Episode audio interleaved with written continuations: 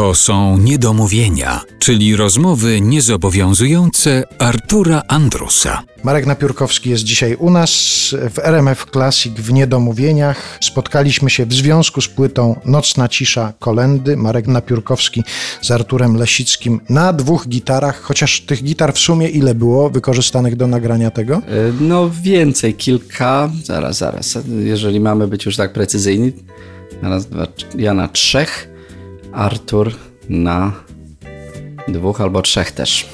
Ty wspomniałeś, że się znacie z Jeleniej Góry z Arturem od siódmego roku życia. E, Właśnie nie było tam takiego epizodu, że was kiedyś porwało, żeby razem pokolędować gdzieś, pochodzić, zarobić parę groszy przy tej okazji? Nie, nie, nie, to były czasy. Siedem lat jak mieliśmy, to się zdaliśmy z podwórka, ale nie, nie utrzymywaliśmy jakichś bliższych e, stosunków. Później zaczęliśmy się kumplować i w wieku 12 lat, to jest znaczące dość, ciocia Basia podczas wakacji pokazała mi cztery kultowe akordy. C-dur, Amol, Demol i G7. Czy nie G7, G-dur, nie to taki kleszcz ci z Państwa, co grają. To były akordy mało filharmoniczne, można by powiedzieć. No ja, nauczywszy się tych akordów kilku, wróciłem do domu i zacząłem suszyć głowę mamie, że może by gitarę Mareczkowi kupić.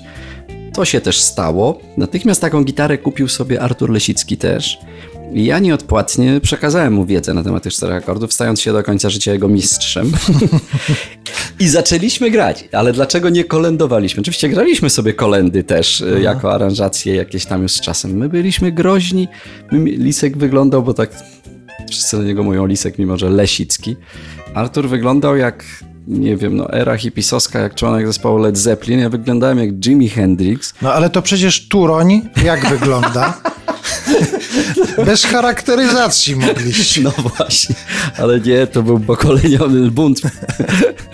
Czyli nie poszło to w stronę kolęd wtedy w Jeleniej Górze jeszcze.